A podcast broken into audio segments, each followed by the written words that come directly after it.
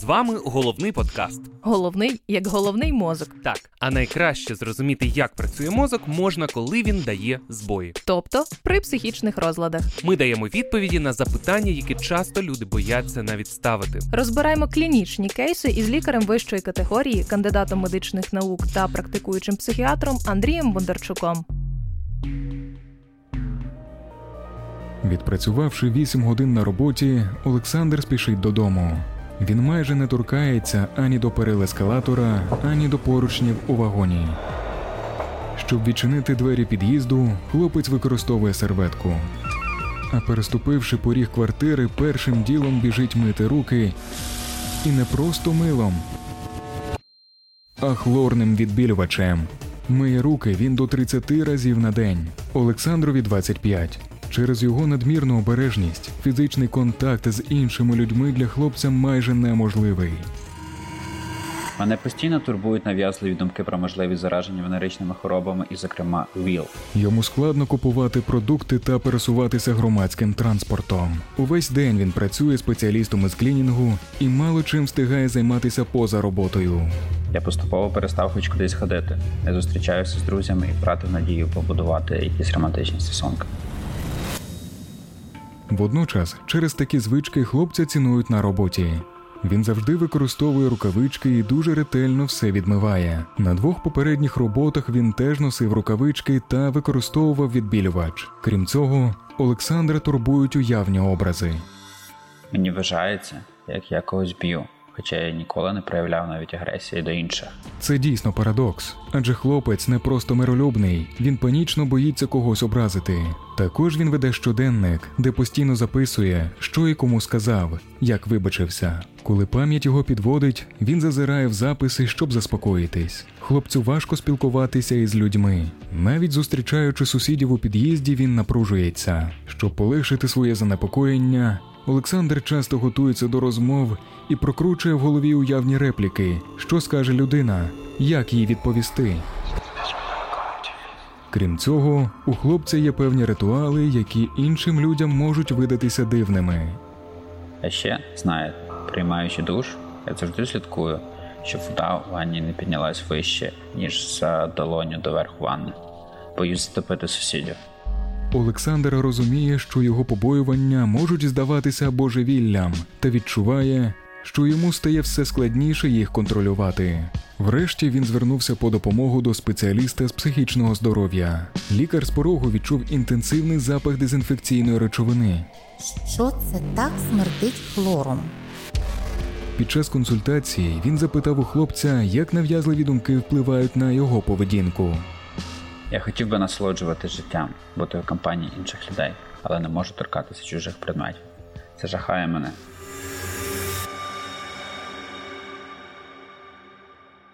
Андрію, розкажіть, який в Олександра діагноз? У Олександра ми бачимо всі ознаки обсесивно-компульсивного розладу. А як ви це визначили? Е, Наприклад, те, що під час обстеження встановлено, що у Олександра багато нав'язливих думок та страхів, і які постійно повторюються знов і знов. Їх називають обсесіями. Наприклад, страх зараження. Олександр боїться заразитися ВІЛ та венеричними хворобами. Також це страх агресивного поводження, нав'язливі образи, що він може вдарити когось. Хлопець має страх асиметрії. Це коли необхідно йому вивіряти точний рівень води у ванні. З часом все це призводить до того, що Олександр годинами займається своїми процедурами, уникає виходу з квартири, участі в якихось соціальних взаємодіях, тобто нормального життя. Андрію, а чому контроль рівня води це страх асиметрії? Тому що для Олександра є стресовими ситуації, в яких розташування предметів не відповідає його внутрішнім потребам. Це суперечить необхідній для нього симетрії. Також це може стосуватись, наприклад, ситуацій, в яких предмети розташовані на столі у хаотичному порядку або не складені так, як він би цього хотів. Зрозуміло. Також у нього багато нав'язливих дій, які називають компульсіями. Це і надмірне миття рук, і перевірки, зокрема перевірки своїх думок і слів під час ведення щоденника. Також повторення, зокрема уточнення в спілкуванні того, що він сказав, і що там не було нічого образливого. Наявні в нього і психічні компульсії. Це попередня детальна підготовка до розмов у його свідомості. Симптоми Олександра перешкоджають виконанню звичних повсякденних завдань. Він здатний працювати і на іншій більш кваліфікованій роботі, але його вибір міг бути частково обумовлений симптомами розладу, адже кілька попередніх робіт теж були пов'язані з носінням рукавичок та використанням відбілювачів. Його симптоми не тільки забирають багато часу, але й він сам виглядає самотньою, ізольованою людиною, на якість життя якої сильно впливає його розлад та дезадаптує. Отже, сьогодні розбираємося з обсесивно-компульсивним розладом. Так ми дізнаємося, як він розвивається, якими симптомами супроводжується. І чи нав'язливе бажання мити руки це вже розлад, чи ще дотримання гігієни? А ще розберемо, чим можна допомогти людині, яка від цього розладу страждає. Катю, твоя черга. Бачу в тебе всі ці американські європейські класифікації, купу документів. Просвіщай мене. Поїхали. Я підготувалася, підтягнула повно теорії, так що думаю, ми сьогодні впораємось. Давай почнемо із ключових слів: що таке обсесії і компульсії? Яка між ними різниця? Зараз усе розкажу. Але почну з того, що люди з ОКР, обсесивно-компульсивним розладом, відчувають постійне занепокоєння різними факторами, тобто відчувають тривогу. Ну слухай, ми всі постійно чимось занепокоєні, особливо в останній час, особливо все це пов'язано з ковідом, черговими хвилями, з якимись незрозумілими рухами а, російських військ на кордоні, все якесь непевне, але ж не всім діагностують ОКР. Ну дивись, це ж не просто. Тривожні стани, а саме нав'язливі думки, Мгм. можна сказати, навіть нав'язливо тривожні. Тобто ті, що знов і знову регулярно втручаються, і яким просто немає меж, їх неможливо позбутись. Окей, тоді давай почнемо з обсесії. Окей, це небажані нав'язливі думки, які супроводжуються тривогою. Тобто, в випадку з Олександром це його страх заразитися. Саме так, правильно. До речі, страх забруднення та зараження це один із найбільш поширених симптомів ОКР. Такі пацієнти часто бояться бруду і миють руки кожні дві години, і частіше так вони втілюють компульсії, тобто повторювані ритуали. Ну, дивися, під час першої хвилі ковіду я сам. Прям, ну, типу, фанатично займався миттям рук. Я не говорю, що це мене прям, типу, я концентрував на цьому усе своє життя, але як дотримання ритуалу, це було просто, типу, постійним, особливо тим, що в мене пов'язана робота із харчовим виробництвом. Але я знаю випадки, коли люди буквально змилюють за день цілими кусками це мило. Я розумію, от саме це якраз може бути симптомом ОКР. З цим варто бути обережним. Дивися, з дитинства нас привчають мити руки це добре. Корисна гігієнічна навичка. Як зрозуміти, що така любов до чистоти уже переходить межі якогось здорового глузду? Ну, давай я спочатку хочу уточнити, що ми не агітуємо людей не мити руки. Це зовсім Так. інше, особливо зараз. Правда. Ми всі пам'ятаємо про правила гігієни. Але, наприклад, якщо ти помітив, з початком пандемії в громадських вбиральнях почали вішати інструкції про те, якими рухами і як довго треба їх мити. Так е, у нас в кав'ярні ми теж буквально з перших днів повісили для початку для моїх співробітників. Нам же самим, е, щоб все це нагадувало, як це правильно зробити. Там співали всякі двічі Happy Birthday to you і все, і все. Пальчик великий окремо на кожній руці, і так виходило оптимально по часу. Саме так. Так ось людям з ОКР ці інструкції нагадування не потрібні. Ми от про них дізнались тільки нещодавно про ці інструкції. А такі люди зазвичай е, фіксуються на самому процесі, Угу, і вони відчувають страшний дискомфорт, якщо не будуть мати можливості втілити це. угу. Вони миють руки десятки, а то іноді і сотні разів на день. Жестяк. Тобто це як якась необхідність почухатися. Ну, це така трішки аналогія, але окей, давай її проведемо. Можна сказати, що так. Тобто виходить, що людину будуть мучити нав'язливі думки, образи. Це буде та ж сама, як ти кажеш, гостра необхідність почухатися. І вона реагує, вчинає ці повторювані дії, ритуали, які нейтралізують ці нав'язливі ж думки. Тобто почухається. Окей, тут логіку розумію. Але дивися, якщо, як ти кажеш, десятки сотні разів мити руки, а особливо це там стосується дезінфектора, чи як ми на початку випуску говорили про якийсь хлор, то це ж неймовірно висушує шкіру і просто шкодить їй. Висушування це ще не найгірше. Люди з ОКР можуть навіть замити руки аж до ран, а хтось може це робити з обличчям, шкрябати його нігтями, і тоді Мгм. шкіра буде подрязнюватись. А якщо це робити часто, уяви собі. Ось в нашому прикладі там Олександр, він ж взагалі користується не просто милом, дезінфектором, а хлорним відбілювачем. Це взагалі жах, і я собі щось поки що дуже складно можу це все уявити. Хоча я можу уявити собі дуже багато різноманітних жахливих штук. Але також я думаю про те, що через рани Мгм. Ось ці всі хлорні речовини потрапляють і в організм, тобто це призводить потім і до інших якихось проблем, бо це все всмоктується, не знаю, в кров і розповсюджується по всьому організму. Але є ще одна істотна ознака ОКР, про яку я хочу тобі розповісти. У кількості та інтенсивності такої поведінки втрачаються і логічні зв'язки з реальною потребою це робити. Тобто робити те саме так і саме таку кількість. Також людина втрачає і логічний зв'язок із впливом її поведінки на якість життя. Тобто вона не завжди розуміє, що от це їй буде заважати. Окей, давай тепер про нав'язливі думки, що там відбувається з ними. Найчастіше ці нав'язливі думки це про можливу загрозу для себе чи інших. Ну, наприклад, це може бути той же самий страх, що помре близька людина, ну, наприклад, мама. І щоб зняти внутрішню напругу, людина вигадує собі умовний ритуал. Банально може клацати вимикачем світла рівно 12 разів, і щоб з її мамою було все гаразд. Так, це незвично звучить, Мгм. але Мгм. людина буде думати, що це й допомагає. Зрозуміло. Дивися, насправді з дитинства я щось таке пам'ятаю, бо казали, що коли вдягнути річ на виворіт, це означає, що потім якесь буде покарання, чи тебе хтось насварить. І я кожного разу а, дьоргав себе там за пальчик, е, чи якось щіпав себе, щоб такого не сталося. Ну тобто, знаєш, це як наступив на ногу, то Мгм. треба наступити у відповідь, щоб ви не посварилися. Так. Ну, але це ж швидше забобони. Але загалом компульсії вони можуть бути спершу схожі на наші буденні звички, Так.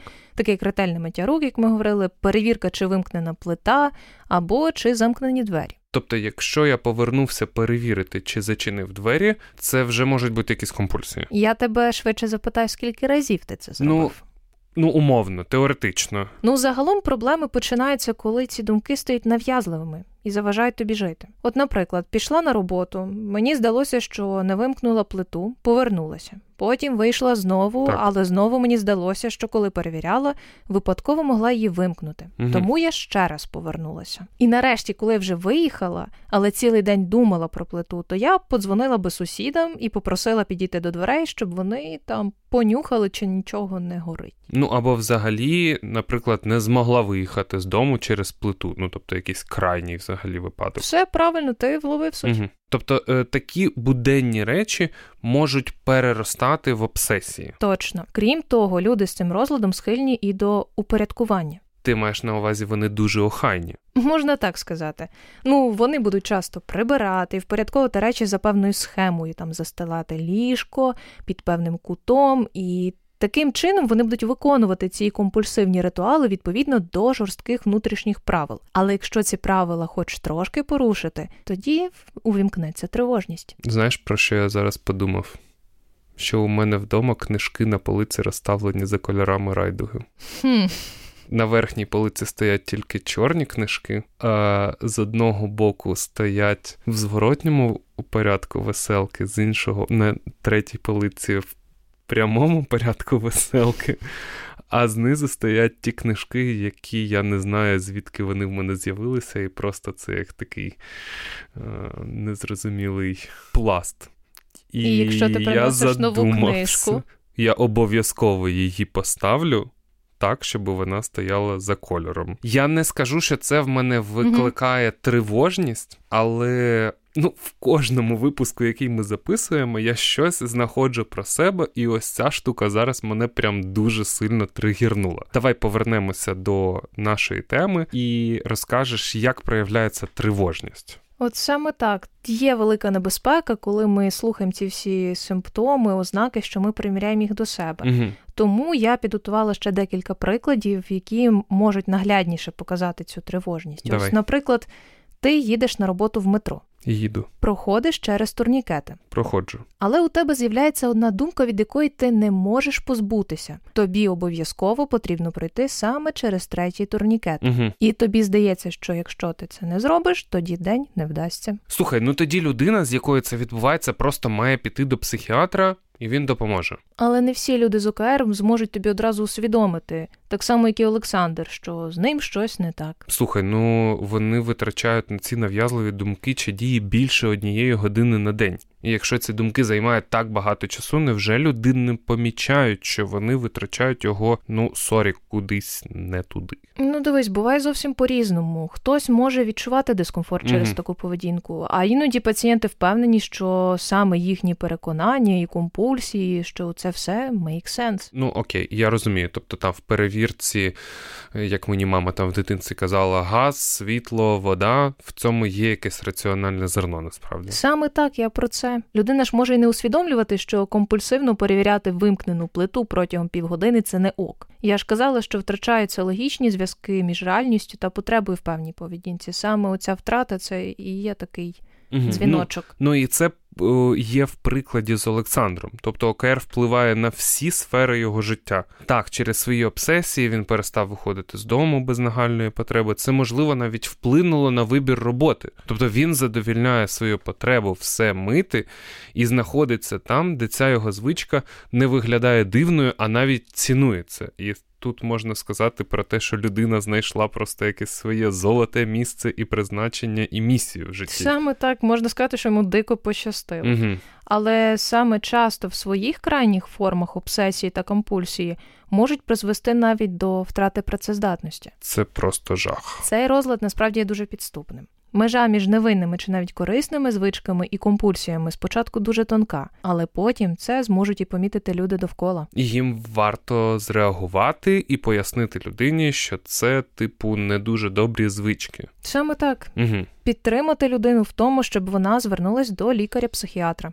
Іноді зв'язок між обсесіями і компульсіями, очевидно, нереалістичний. Ну от е, якщо уявити, що людина боїться, ніби захворіє на рак, якщо доторкнеться до попільнички. Звучить дивно, правда? Ну, щонайменше. Тоді це виявити буде значно легше. Ну, дивися, зараз, мабуть, в часи пандемії такий розлад може легко маскуватися за здоровою необхідністю мити руки. Так, я думаю, не одна людина, яка зараз слухає, вона просто почне приміряти це на себе. себе. Угу. Але навіть ще гірше, що цей розлад може зростати, бо з'явиться реальна загроза, яка це стимулює і ніби виправдовує. Угу.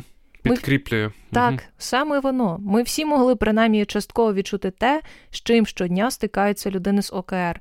Навіть багато моїх знайомих, насправді, які користуються антисептиком щодня, це перетворили в якусь регулярність настільки, що у них почала лучити шкіра на руках, і без крему тепер вони не можуть. Да, ну насправді у нас такого багато було в роботі кав'ярні, особливо там під час е, першого локдауну, другого Мгм. локдауну.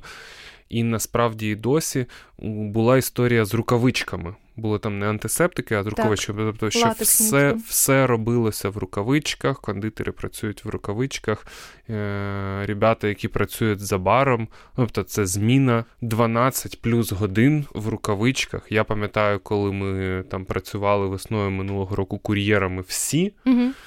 Я теж був в цих рукавичках, і ти приходиш ввечері, і ці пальці просто нещадно лущаться, Лущаться. і це просто якийсь жестяк. І ти з одного боку розумієш, ніби, по-перше, це прописано в правилах роботи закладів громадського харчування. І без цього не можна. Да, по-друге, ти там дійсно не знаючи е, хвороби там на той час, ну прям не знаєш, що можна, що не можна, і вважаєш носіння ось цих всіх засобів захисту дійсно там життєво необхідною історією. Але саме за цим і може потім маскуватися цей розлад. Угу.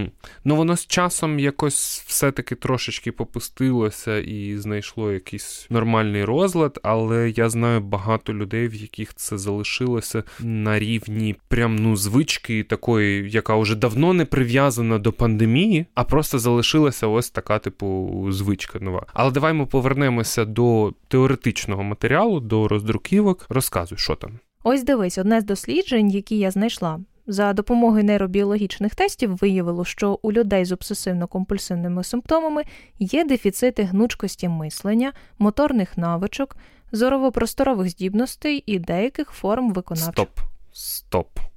Зараз ось ці всі терміни ми трошечки повільніше один за одним проговоримо і почнемо з гнучкості мислення. Що таке гнучкість мислення? Добре, помаленьку. Саме завдяки цьому гнучкості мислення Угу.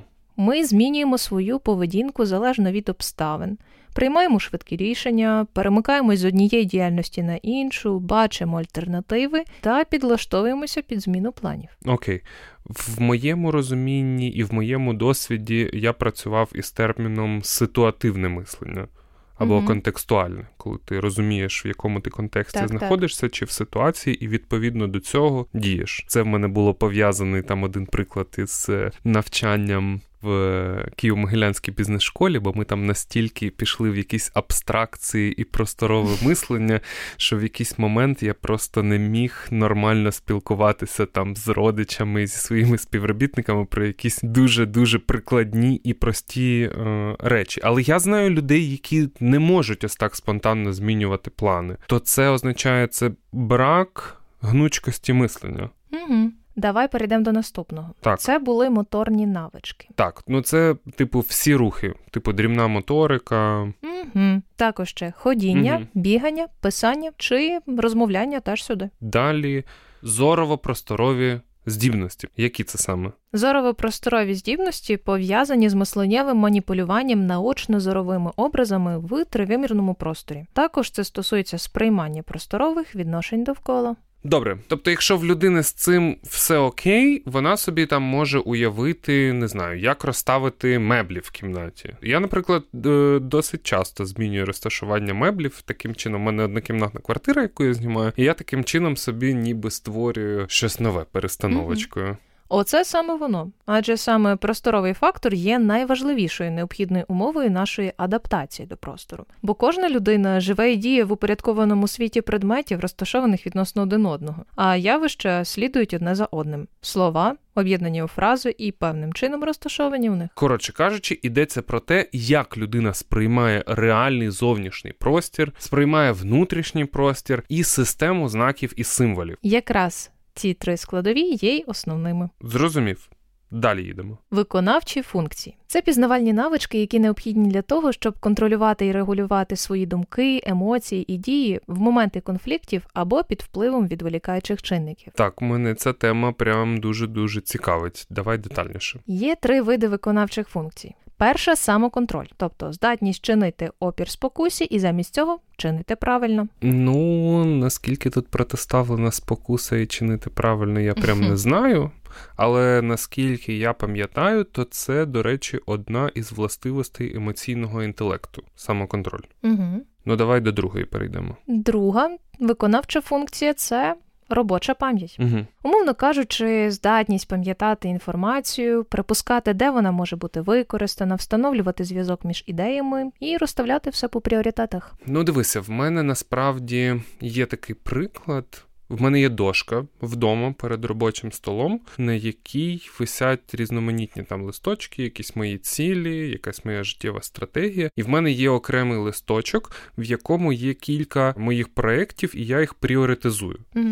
І в залежності від етапу вони можуть змінюватися. Ну, умовно, там в мене є київський проєкт ветерану Брауні, є навчання в КМБС, є там е, проєкт ветерану Брауні перспективний там в Івано-Франківську, чи зараз там йдеться про е, вихід на американський ринок. Угу. Була програма, за якою я їздив в Америку. Є окремий проєкт, який я називаю Я. Ну тобто, це Ну, робота так, із собою. собою. Є якісь там особисте життя, назвемо це, і в залежності від часу і мого внутрішнього відчуття, я їх десь раз на місяць коригую. І якщо там, наприклад, влітку у мене навчання було десь на четвертому місці, а я там в силу певних своїх особистих е, обставин проект я був на першому місці, бо мені найважливіше було розібратися із собою, собою. досягнути якоїсь цілісності, а тоді вже бути відправною точкою для всіх інших проєктів. Там бізнес був на другому місці, е, там ще якийсь проєкт там на третьому. То зараз, і коли у нас червона зона, в мене мене бізнес жорстко на першому місці, тому що це те найважливіше, mm-hmm. чим я займаюся, що дає там мені дохід, е, роботу команді, яка працює. Да? Тобто це проект номер один, який в тому числі там забезпечує оплату за навчання і так далі. Навчання вийшло на друге місце, тому що почалися дуже класні предмети, цікаві. Е, почалося дуже багато домашнього завдання, і в зв'язку з тим, що я там якісь свої хочу досягнути цілі, я цьому витрачаю багато часу, і відповідно до цього листочка я приймаю рішення насправді. Так, це якраз саме воно вдала можливість показати, проілюструвати, як працює у нас друга функція, угу. як ти послідовно від ідей переходиш до пріоритетів, але давай переходити до третьої виконавчої функції. Це у нас когнітивна гнучкість. Ну, когнітивна, зрозуміло, це пізнавальна. Про гнучкість ми теж уже знаємо, тобто це здатність до креативу, зміни поведінки залежно від обставин. Так. І когнітивна гнучкість дозволяє нам використовувати уяву і креативність для вирішення проблем. А ще крім цього, дослідження теж виявило, що деякі з цих дефіцитів були також виявлені у родичів першої лінії спорідненості пацієнтів. Ось що цікаво. Перша лінія це батьки, сестри, брати. Тобто цей розлад може передаватися в спадок. Саме так. Угу. І ще ось ці дефіцити, про які ми говоримо можуть допомогти вчасно діагностувати ОКР насправді. Якщо такі нейропсихологічні зміни спостерігаються у дітей, то можливо вони будуть ранніми ознаками виникнення ОКР уже зовсім скоро у підлітковому віці. Про це я зрозумів, але хочеться повернутися на крок назад. І поговорити про те, які причини у цього розладу, чому він виникає, що каже нам наука про це. Якщо просто, то наш мозок ловить сигнали загрози, і щоб попередити нас, запускає програму тривоги. Але інколи цей захисний механізм запускається без зовнішніх причин, і у нього ламається гальма. І знову ж в одного вони зламаються, а в іншого ні. І тобто схильність до чистоти і порядку в такому випадку перетворюється якраз на нав'язливі стани. Угу. Людина з ОКР постійно намагається заспокоїтися чи виконати ритуали, які відвернуть можливу біду. Ось ця нав'язливість нібито допомагає їй і заспокоїтися, але насправді треба вирішувати причину. Так, з цим трошечки, ну. Плюс-мінус прояснилося. Ми багато говорили про те, як ОКР проявляється у дорослих, а як щодо дітей? Звичайно, насправді ОКР проявляється у людей будь-якого віку, це варто зауважити. Це один з найбільш поширених нервово-психіатричних розладів. Він має два пікових періоди. Перший пік у віці від 7 до 12 і переважно у хлопчиків. Знову у хлопчиків. Так, я згадую, який це у нас був випуск про розлади дефіциту уваги та гіперактивності, і там ішлося теж про те, що в дитинстві більше страждають чи мають ризик цього розладу якраз хлопці. Але який є, ти сказала, два пікові періоди, угу. який другий? Він припадає на юнацький вік. Так. В середньому проявляється в 21, але з'являється трохи частіше у дівчат. Тоді один-один. Приблизно у половини пацієнтів симптоми ОКР виникають ще до початку статевого дозрівання. У 50-80% випадках ОКР починаються ще до 18 років.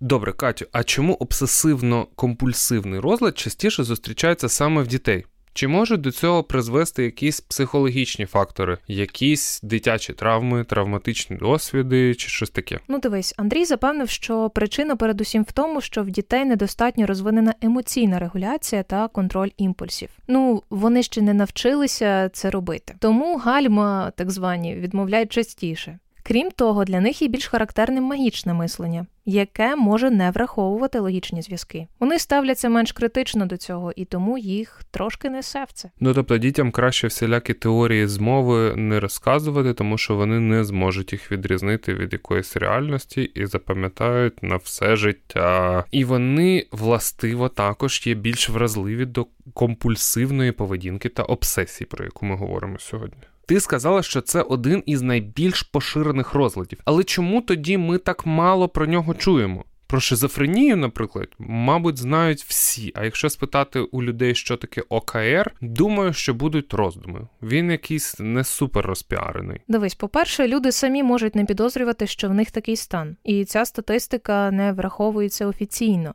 Крім цього, люди з цим розладом можуть боятися незручних ситуацій чи громадського осуду, тому Так. вони часто приховують свої обсесії і ритуали. А ще цей розлад, так само як і депресія, часто просто не сприймається як щось достатньо серйозне. Ну, це прям, типу, проблема мати розлад і не знати, що ним треба займатися. Так, ти правий. Небезпека ще в тому, що супутниками обсесивно-компульсивного розладу часто є і інші захворювання. Наприклад, які. Тривожні розлади, депресія, Мгм. спектр біполярних розладів. ОКР насправді може ізолювати людину від зовнішнього світу. Близько половини людей з цим розладом в якийсь момент життя мають думки навіть про самогубство, а чверть з них скоюють спроби самогубства.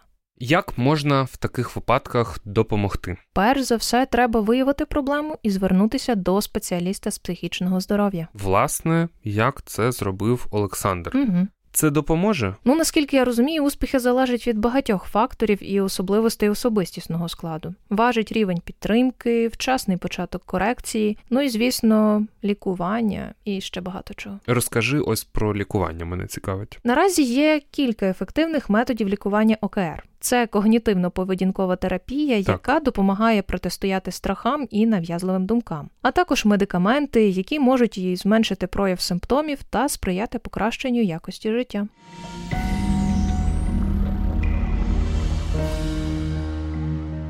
Когнітивно-поведінкова терапія КПТ це психологічний підхід, заснований на наукових принципах. Клінічно доведено, що вона ефективна для широкого кола проблем. Цей вид терапії фокусується на тому, як думки, переконання і ставлення впливають на емоції і поведінку, і допомагає людині освоїти навички, які необхідні для вирішення різних проблем. Вона поєднує в собі когнітивну терапію, дослідження того, що ви думаєте, і поведінкову терапію, дослідження того, що ви робите. Ну, взагалі, я займався за методикою когнітивно-поведінкової терапії після війни, але давай розкажемо нашим слухачам, як вона допомагає. Я так розумію, що терапевт допомагає пацієнтові відновити контроль над ситуацією, що викликає тривожні обсесії і ритуали. Терапевт та пацієнт відтворюють тривожні ситуації. Пацієнт вчиться витримувати тривогу без виконання ритуалів, таким чином розриваючи замкнене коло обсесій та компульсій. Ну, я думаю, що щось конкретне ти маєш на увазі. Ну, наприклад, пацієнта з нав'язливою ідеєю забруднення та нав'язливою ідеєю миття рук можна попросити доторкнутись ну, до брудної ганчірки і потім не мити руки одразу. Так, і що це йому дасть? Такий підхід дозволить знизити тривогу, викликану впливом нав'язливих думок. Людина пробує і звикає до того, що негативні наслідки просто не настають. Угу. До речі, ще читала про такий приклад. Якщо пацієнт має нав'язливі думки з метро, спеціаліст може навіть кататися з ним. Ого. Тобто терапевт вмикається тут по повній програмі. Як довго має тривати така терапія? Насправді може минути кілька місяців, але більшість людей відчувають покращення досить швидко. Важливо дотримуватись плану лікування. Я це прям підтверджую. В мене перший досвід когнітивно-поведінкової терапії був одразу після демобілізації, і ми займалися там із терапевтом ну не більше двох місяців. Там були об'єктивні причини, що я їхав за кордон на якийсь час, але це прям було ну дуже Регулярне дуже. включення. Дуже дієво і, і досить швидкий результат. Давай про ліки поговоримо. Про які ліки в даному контексті йдеться? Я думаю, що тут нам найкраще Андрій підкаже.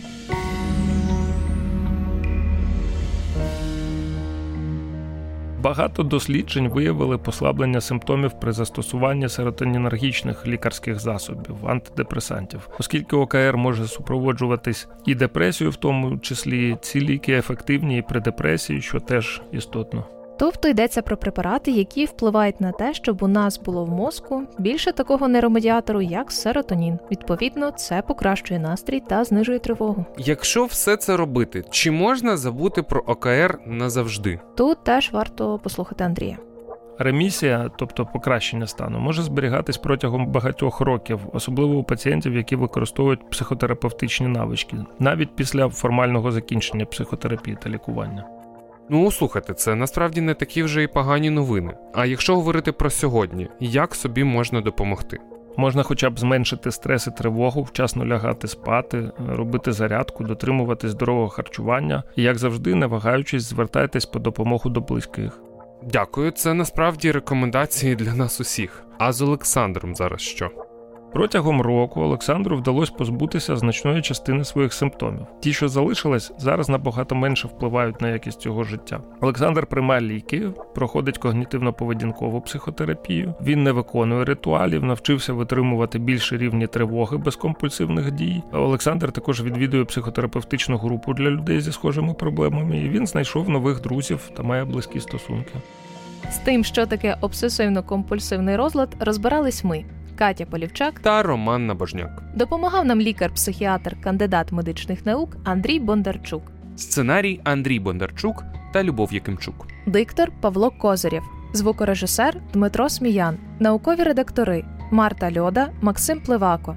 Літературна редакторка Олеся Павлишин. Продюсери Кирило Безкоровайний і Любов Якимчук. Головний подкаст створений науково-популярним медіакуншт на замовлення Суспільного. Список використаної наукової літератури дивіться в описі до цього епізоду.